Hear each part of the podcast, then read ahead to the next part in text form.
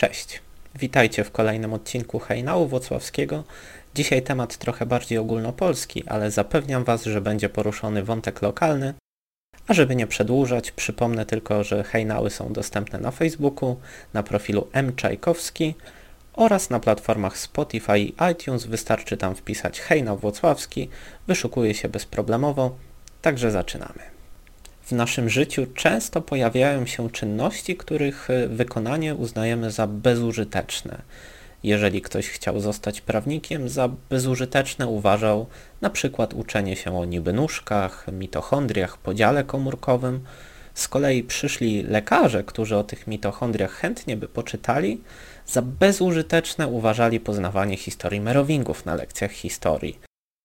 Jedni za zbyteczne uważają mycie się, inni na przykład pracowanie, ponieważ w naszym kraju jest ponoć dobrze rozwinięty system socjalny.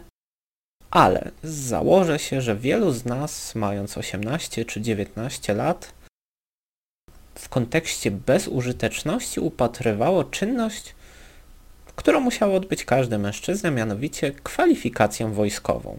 Przypomnijmy sobie to takie badanie, podczas którego komisja lekarska oceniała naszą zdolność do czynnej służby wojskowej. Nadawane były kategorie A, B, D i E w zależności od tego, jak użyteczni jesteśmy dla naszego narodu. Wydawano nam książeczkę wojskową i podejrzewam, że tę książeczkę schowaliśmy do szafy i do tej pory nie wiemy, gdzie ona jest. W moim przypadku wyglądało to już arcykomicznie, ponieważ termin mojej kwalifikacji wojskowej przypadał dosłownie kilka dni po tym, jak podczas jednej z lekcji z WF-u uszkodziłem sobie więzadło przyśrodkowe, krzyżowe, łękotkę i dosłownie dzieliły mnie dni, tygodnie od operacji. Ale wiadomo, trzeba było spełnić ten obowiązek, także stawiłem się w klubie Zazamcze przy ulicy Toruńskiej. O kulach ledwo się udało dojść.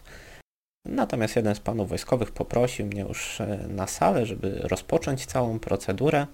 Pamiętam, że, że miałem problem, żeby w ogóle stanąć na tej wadze, która miała w sobie wbudowaną miarkę.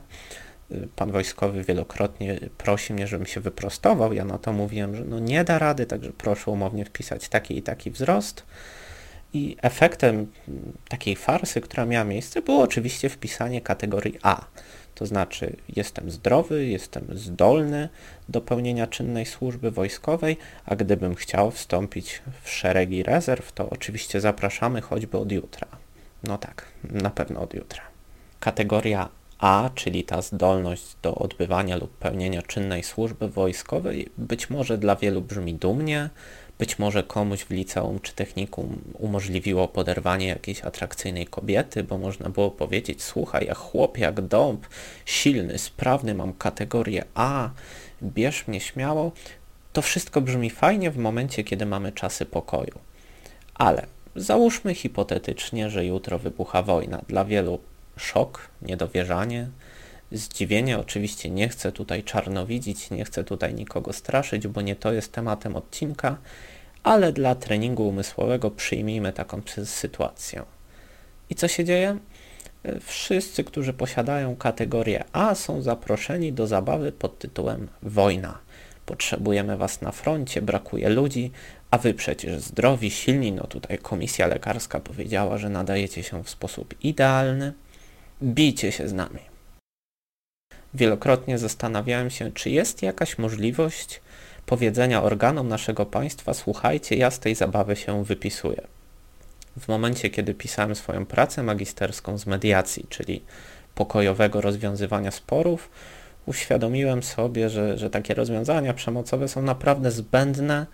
E, Im człowiek bardziej myślący, bardziej inteligentny, tym potrafi wiele spraw załatwić w zupełnie inne sposoby. Oczywiście czasem jest to niemożliwe, ale kiedy tylko możemy, używajmy tego mózgu. I pozostaje pytanie, czy jest taka możliwość powiedzenia organom państwa nie? Jest. I to rozwiązanie to zastępcza służba wojskowa, o której chciałem Wam dzisiaj opowiedzieć. Na początek trochę teorii.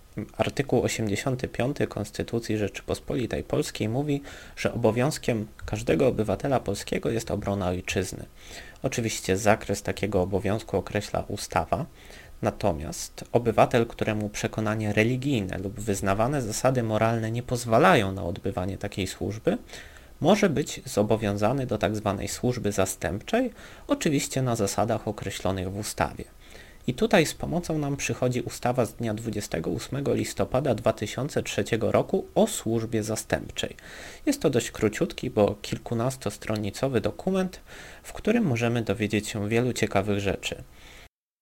Moje założenie przy tworzeniu hejnałów było takie, aby te odcinki były proste i lekkie, także nie będę zanudzał Was y, bełkotem prawniczym. Powiem tylko mniej więcej na czym polega taka służba zastępcza. Polega ona ni mniej, ni więcej na wykonywaniu prac na rzecz ochrony środowiska, ochrony przeciwpożarowej, ochrony zdrowia, pomocy społecznej, opieki nad osobami niepełnosprawnymi, bezdomnymi oraz na rzecz administracji publicznej i wymiaru sprawiedliwości. Taką służbę zastępczą odbywamy w państwowych i samorządowych jednostkach organizacyjnych, podmiotach leczniczych nie będących przedsiębiorcami, o których mowa w przepisach o działalności leczniczej oraz w organizacjach pożytku publicznego. Jak czytamy w artykule 3 ustawy, służba zastępcza trwa 18 miesięcy, a dla absolwentów szkół wyższych 6 miesięcy.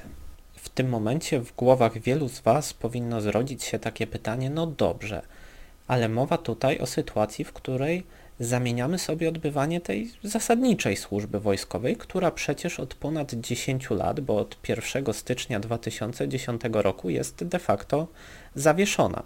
Tym samym oczywiście zawieszony jest obowiązek odbywania służby zastępczej.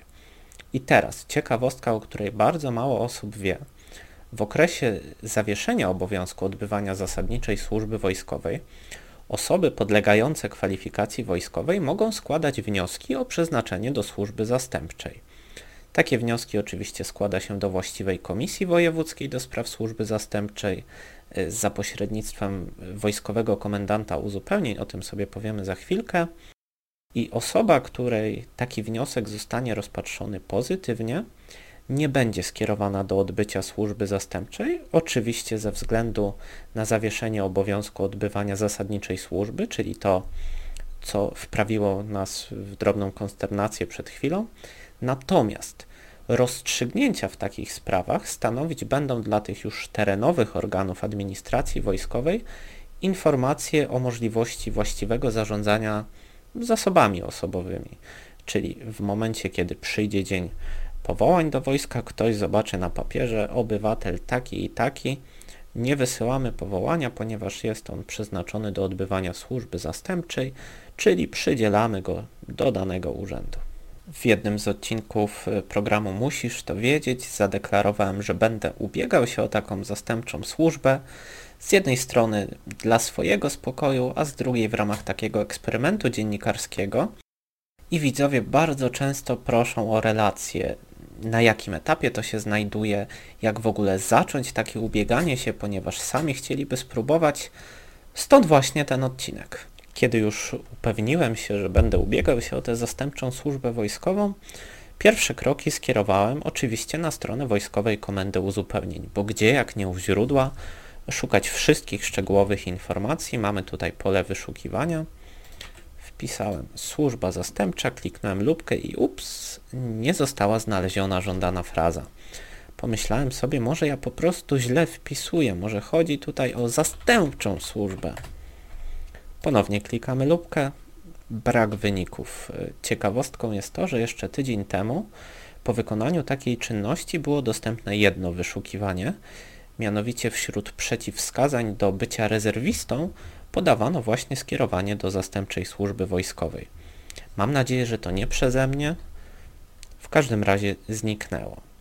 Kolejna strona, którą chciałbym odwiedzić, to Wojewódzki Urząd Pracy, bo to właśnie tutaj zgłaszają się poszczególne podmioty, które chciałyby takich zastępczych służbistów y, przygarnąć do siebie do pracy.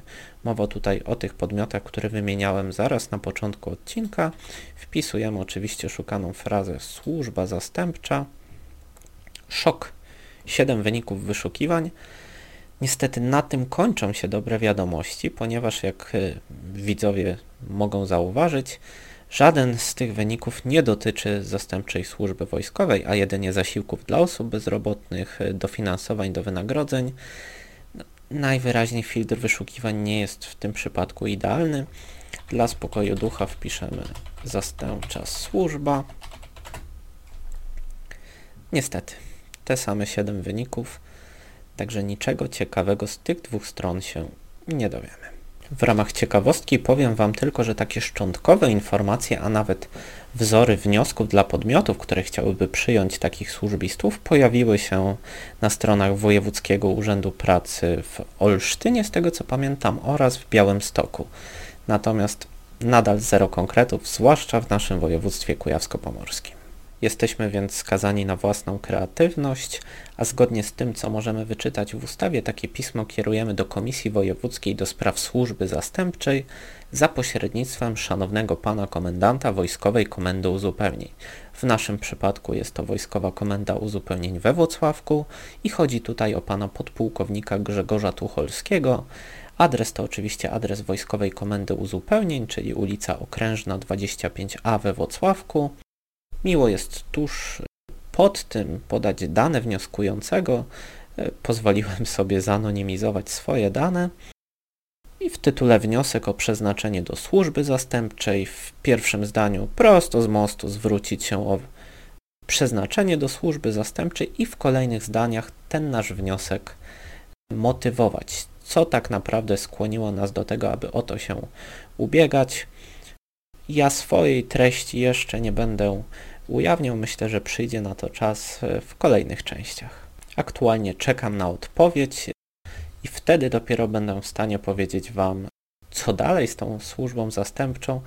Taką decyzję podjąłem. W przypadku jakiegokolwiek konfliktu wojskowego nie zamierzam umierać za wysokie podatki pana premiera Morawieckiego, za źle zarządzaną służbę zdrowia i jeszcze parę innych rzeczy, do których mógłbym się tutaj przyczepić, ale to nie jest tematem tego odcinka.